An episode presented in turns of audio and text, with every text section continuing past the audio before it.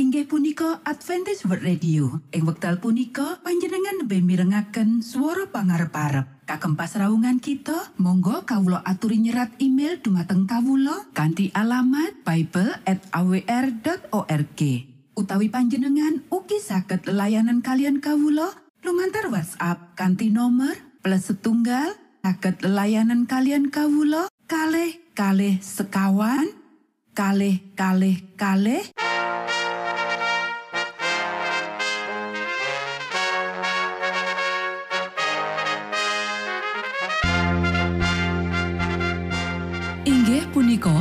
Adventist World Radio ingkang giaran kanthi basa Jawi. Tentrem Rahayu kula aturaken kagem para mitra kinasih ing pundi papan lan panggonan. Sugeng pepanggian malih kalian Adventist World Radio. Kanti bingahing manah Kulo badhe sesarengan kalian para mitra kinasih lumantar saperangan adicara ingkang sampun rinonci mligi kagem panjenengan sami. Mugi giaran punika saged migunani tuwin dados berkah kagem kita sedaya. Sugeng midhangetaken Gusti amberkahi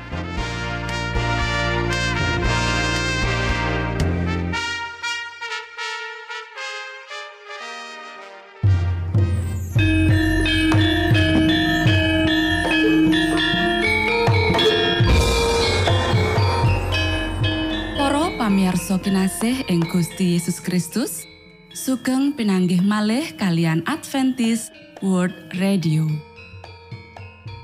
Ing wekdal punika, kita badhe sesarengan ing adicara ruang kesehatan ingkang saestu migunani kagem panjenengan saha kita sami. Tips utawi pitedah ingkang dipun aturaken ing program punika tetales dawuhipun Gusti ingkang dipunnyatakaken ing kitab suci. Semanten ugi sakehing seratan ingkang dipun wangsitaken dening Gusti Allah.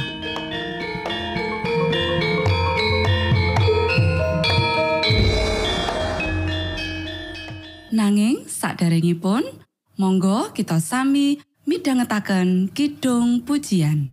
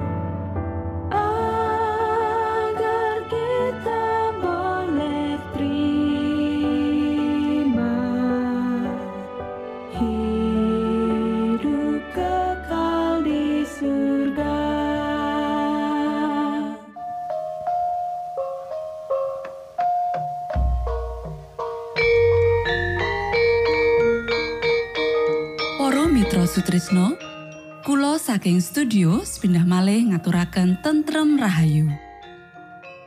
Puji syukur dumateng Gusti ingkang murbeng dumati, ingkang sampun kepareng paring wewenngan kagem kita. Satemah saged nglajengaken ruang kesehatan. Pirembakan kita semangke kanthi irah-irahan kutu air utawi rangen.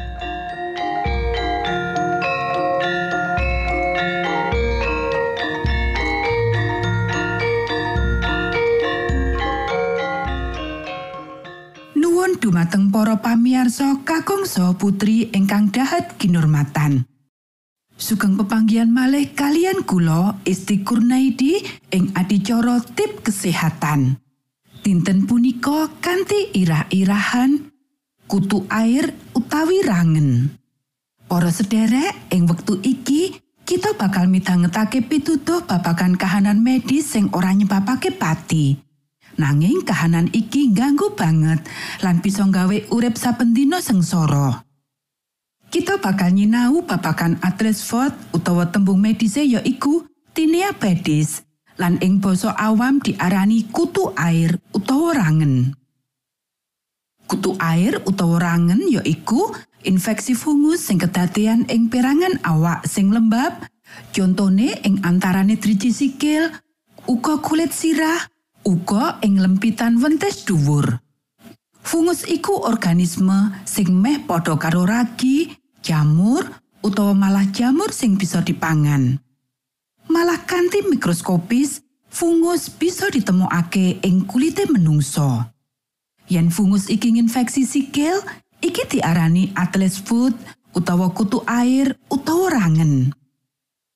Para sederek, fungus utawa jamur sing jalari kutu air utawa rangen iki nggunakake lapisan kulit menungso sing wis mati minangka panganane. Nalika kahanan jumbo kanggo jamur iki tuwuh, jamur iki bakal ngrembaka kanthi cepet lan nyebar luwih jero menyang kulit kita. Jamur iki uga ngeculake enzim sing ngrusak sel kulit kita saengga bisa nembus luwih jero menyang awak. Kulit sing kena infeksi bakal dadi kandel lan dadi kaya sisik. Kulite banjur dadi garing saengga gampang lentek lan suwek. Gejala sing paling umum sing kegandengan karo infeksi kutu air utawa rangen ya iku gatel, rasa kaya kesetrum lan kaya kobong ing panggonan kang kainfeksi. Para sederek, badan kita katitahan dicangkepi karo sistem pertahanan badan kanggo nglawan infeksi. Iki dikenal minangka sistem kekebalan. Mlebune jamur menyang lapisan jero kulit bakal nggugah sistem iki Mula awak kita bakal cepet nanggapi bentuk sel kulit anyar kanthi wektu sing luwih cepet tinimbang biasane. Tujuane kanggo nyurung lapisan kulit sing kena infeksi jamur supaya bisa nglentek luwih cepet. Lan bisa diganti karo lapisan anyar saka sel kulit sing wis kawangun. Ana dalan kekebalan liyane sing bisa ngganggu dayane jamur kanggo tuwuh lan ngrembaka. Sistem kekebalan kita bisa kanthi manjur ngobati infeksi kulit sing disebabake dening jamur. Nanging, kanggo infeksi jamur ing kukune menungso, cara penanganane sistem kekebalan luwih mligi. Kaya sing wis kita pitangetake bebarengan ing underan infeksi jamur kuku. Amarga infeksi jamur ing kuku bener-bener ngluwihi dayane sistem kekebalane menungso. Mungelingake menawa infeksi jamur ing kuku angel diobati, amarga sistem kekebalan badan ora bisa nulungi numpes organisme jamur. Pangeling sedidik menawa infeksi jamur ing kuku, kuku dadi kandel, pecah-pecah, lan kukune malih werna, lan dadi kaya mungsret ora nutupi daging maneh, utawa jaringan ing sangisore kuku. Infeksi kerep mbajut ing wektu kang suwe lan asring kumat. Para sederek bali menyang kondisi infeksi kutu air utawa rangen. Iki bisa ngakibatake komplikasi sing nemen. Infeksi iki nggawe lingkungan sing cocok kanggo infeksi sekunder dening bakteri. Lan bisa marakake kulit sing kena mledek-mledek. Sabanjure bisa katon kaya borok sing rasane celekit-celekit ing antarane driji sikil lan angel diobati. Alergi jamur sing dipangan uga bisa njalari ruam lan abuh ing sakujur badan, utamane ing driji, tangan, lan driji sikil. Para sederek, yen sampeyan ngalami infeksi kutu air utawa rangen sing enteng, sawetara ana salep, lotion, bubuk, lan semprotan sing ampuh kanggo mateni jamur lan bisa dituku tanpa resep. Sampeyan kudu ngumbah lan ngelapi nganti garing panggonan sing kena infeksi lan dilaleti obat tipis wae setino kaping pindho. Kajaba iku, sampeyan kudu njaga sikil tetep resik lan garing. Para sederek akeh jenis obat omahan kanggo kutu air utawa rangen durung kabukten biyantu nanging ana loro sing katone ana gunane. Cara pangopenan pisanan ya iku ngekom sikil utawa nyemprot sikil kanthi cairan sing bisa digawe dhewe. Ya iku siji bagian cuka lan papat bagian banyu. Tindakno iki setino kaping pindho. Cara kapindo ya iku ngekom sikil ing campuran pemutih lan banyu. Ya iku seprapat cangkir utawa swidak mili pemutih ing siji bak banyu adus. Tindakno setino kaping pindho. Iki kudu ditindakake terus-terusan sajrone sewulan.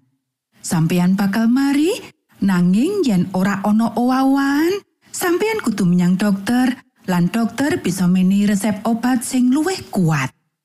Para sederek saiki kanggo nyegah kutu air utawa rangen. Cara sing paling gampang kanggo nangani infeksi kutu air utawa rangen ya iku nyegah utawa upaya nyegah. Kepiye sampeyan bisa nyegah infeksi kutu air utawa rangen? Kaping pisan, sing paling penting, sikil tetep resik lan garing. Organisme jamur iki tuwa ing papan sing anget lan lembab. Yen badan kita tetep teles utawa keringetan, kanggo wektu sing suwe, tuwe jamur kutu air utawa rangen iki bisa njalari masalah klinis. Kaping pindho, aja nganggo jenis sepatu sing kandel utawa sepatu sing sesek. Iki bakal menet driji-driji sikil sampeyan ndadekake padha nemplek siji karo liyane lan gawe lingkungan sing anget lan lembab. Uga aja nganggo sepatu sing digawe saka karet utawa bahan sintetis kayata plastik utawa vinil. Bahan kasebut ora nyerep malah ndadekake sikil lembab. Kaping telu, nganggo kaos kaki sing digawe saka bahan alami kayata katun utawa wool. Serat sintetis ora bakal nyerep kelembapan saka sikilmu kaya sing ditindakake dening bahan alami. Ganti kaos kaki luwih kerep, apa maneh menawa sikilmu keringetan banget. Ganti kaos kaki kaping pindho saben dina. Para sederek infeksi kutu air utawa rangen bisa nyebar saka wong siji menyang wong liyane lumantar anduk, jubin, sepatu, lan kaos kaki sing wis kena jamur. Dadi yen sampeyan kudu mlaku ing papan umum kayata kolam renang, patusan umum, sampeyan kudu nganggo sandal utawa sepatu sing anti banyu. Lan aja nganggo sepatu utawa anduk bebarengan karo wong liya. Para sederek ringkesan tips kesehatan dina iki Infeksi kutu air utawa rangen minangka infeksi jamur sing umume ing sikil lan jalari gatel, rasa kaya kesetrum, lan kopong ing sikil. Lan duweni toya dadi infeksi bakteri sekunder sing luwih nemen. Ayomi badan sampeyan supaya ora kena infeksi, kanthi njaga sikil sampeyan tetep resik lan garing, lan nganggo sepatu lan kaos kaki sing nyerep kelembapan saka sikil utawa nyerep keringet. Ojo mlaku tanpa alas sikil ing papan umum, kayata kolam renang utawa patusan umum, ing ngendi wong liya sing duwe lara kutu air utawa rangen bisa uga ngliwati dalan iku. Yen sampeyan kudu mlaku ing wilayah kasebut, gunakake sandal utawa sepatu anti banyu.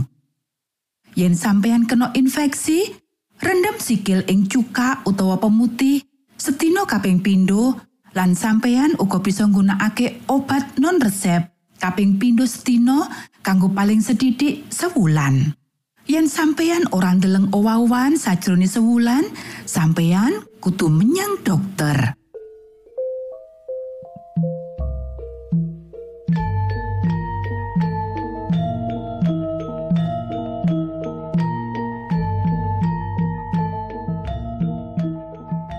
Cekap semanten pimbakan ruang kesehatan ing episode dinten punika. Mugi pisegahan punika saged migunani kagem kita sami.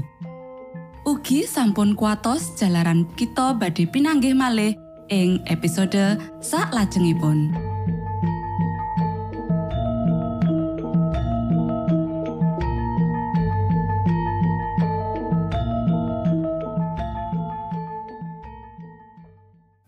Punika adicara ruang kesehatan.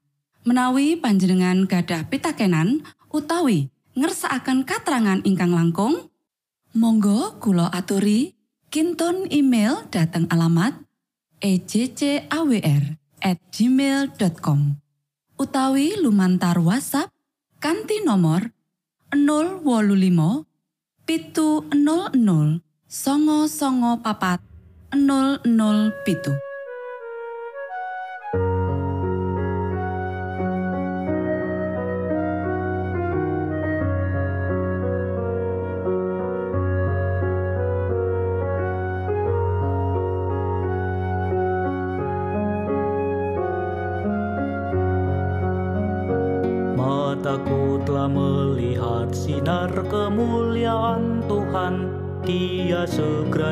Datang dengan cawan anggur murkanya Dengan pedang terhunus bercahaya di tangannya Demi kebenaran. Puji Tuhan Maha Mulia Puji Tuhan Maha Mulia Puji Tuhan Maha Mulia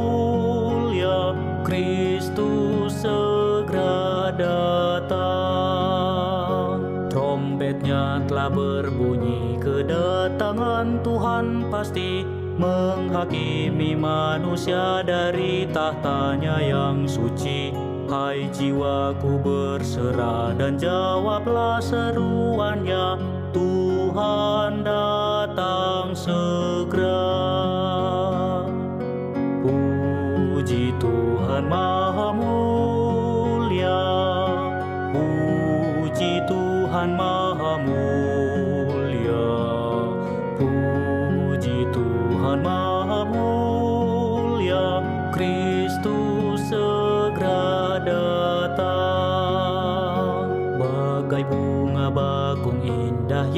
Yesus lahir di dunia.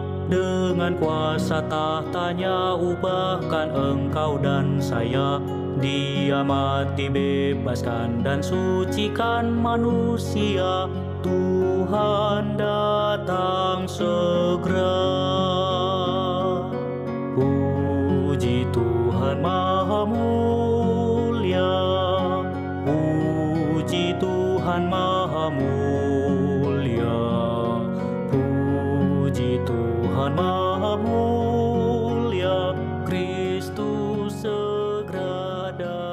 datang Saklajengipun, monggo kita sami midhangetaken mimbar suara pengharapan. Pawarto Sang Kristus paderamu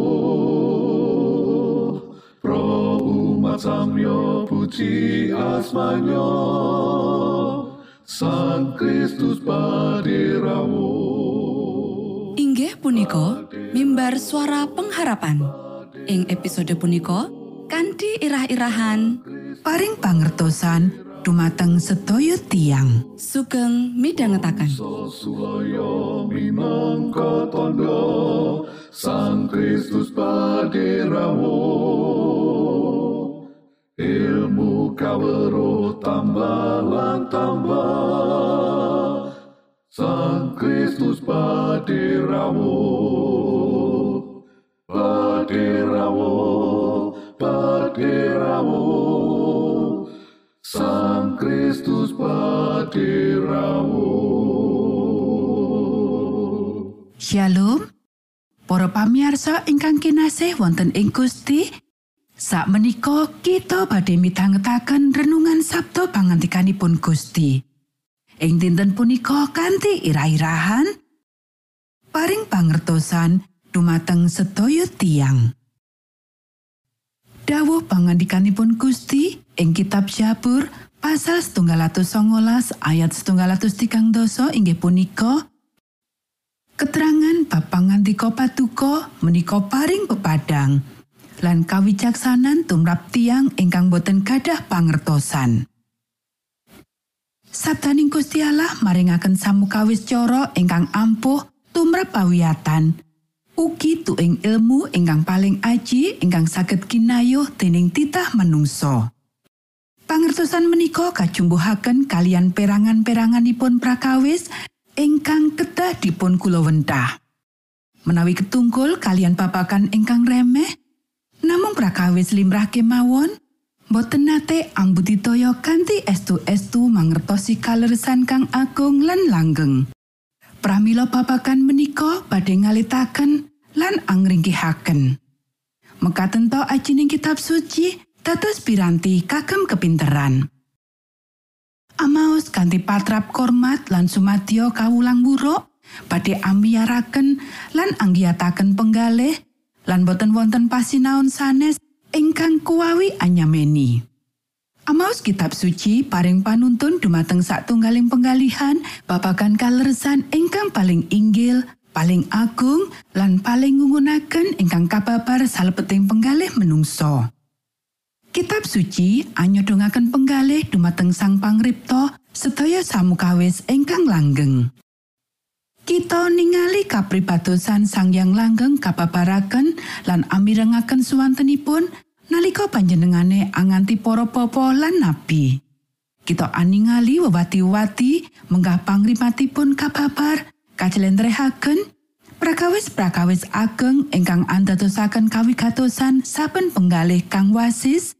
Namun kewolo tanpa pambiyantunipun wahyuning ilahi kepinteraning manungsa menika muspro tangeh angrampungaken isinipun ambuka pangertosan kita dumateng babagan karohanen ingkang prasaja. Namung luhur ngaturaken kaleresan-kaleresan ingkang saged dipun mangertosi setunggaling lare. Anamung ugi sakalangkung wiyar satema ambidungaken penggalih ingkang paling ampuh Juru wilujeng boten anglirwakaken pasinaon utawi angremehaken pawiyatan namung panjenenganipun amici para juru mino ingkang boten anggadahi pawiyatan kagem pakaryaning Injil amargi para sekabat boten kawucal wonten ing kebiasaan lan tradisi donya ingkang blasar.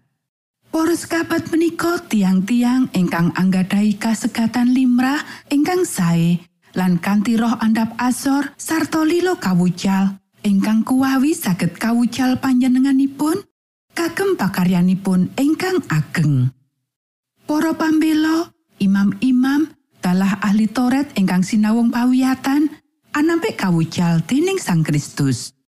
Kepara kepingin amucal panjenengane lan asring anyoba nindakake ananging kaasorake kawicaksanan kang ambuka mungguh kekirang mangertosipun lan paring teguran tumrap kebodohane. Sakjroning raos gumunggung lan rumangsa bener dhewe, padha anampik datan kersa anampi pangantikanipun Sang Kristus. Ananging padha ngungun marang kawicaksanan kang kapangantikaake panjenenganipun. Ananging pangantikan dalah tindakan guru ingkang andap asor menika ingkang sinerat dening para sekabat ingkang boten tepang pawiyatan menika ingkang saben dinten sesarengan kalian panjenenganipun sampun angginakaken kegiatan ingkang gesang wonten ing penggalihing menungso wiwit wektal niku dumugi sak menika Monggo kita sami ndedonga. Duh Rama kawula ingkang wonten ing swarga asma patuko mugi kasucikaken. Kraton patuko mugi rawuh Karso patuko mugi kalampahan wonten ing bumi kados dene wonten ing swarga. Kawula mugi kaparingaken rejeki kawula sak cekapipun ing dinten punika. Saha patuko mugi ngapunten kalepatan kawula kados dene kawula inggih ngapunteni tetiang ingkang kalepatan dhateng kawula. Punapa dene kawula mugi sampun ngantos katandukaken dhateng ing panggoda nanging mugi sami patuko uwalaken saking piawon. Awit dene patuko ingkang kagungan kraton saha wisesa tuwin kamulyan salami laminipun. Amin.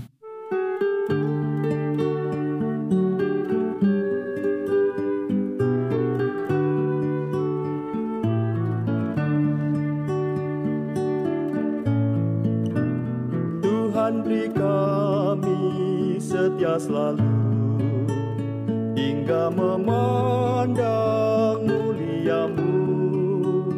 Tinggal dalammu percaya teguh Tuhan beri kami setia selalu. Tuhan beri kami setia selalu hingga memandang setia dan tekun dalam apa pun Tuhan beri kami setia selalu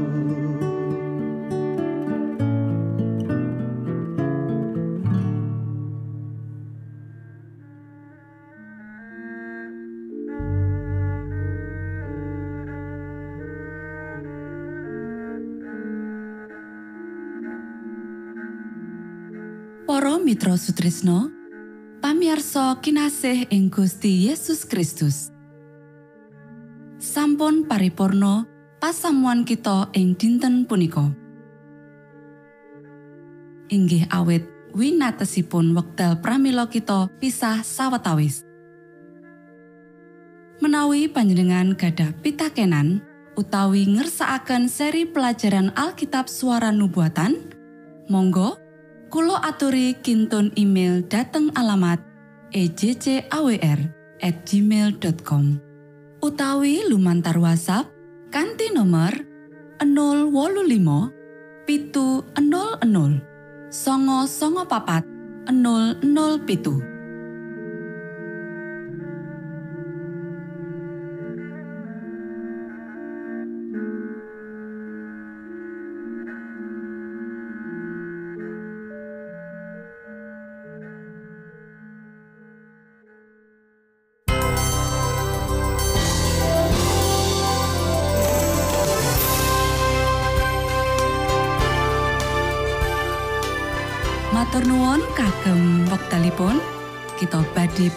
malih ing gelombang ugi wekdal ingkang sami. Saking studio kula ngaturaken tentrem rahayu. Gusti amberkahi kita sedaya. Maranatha.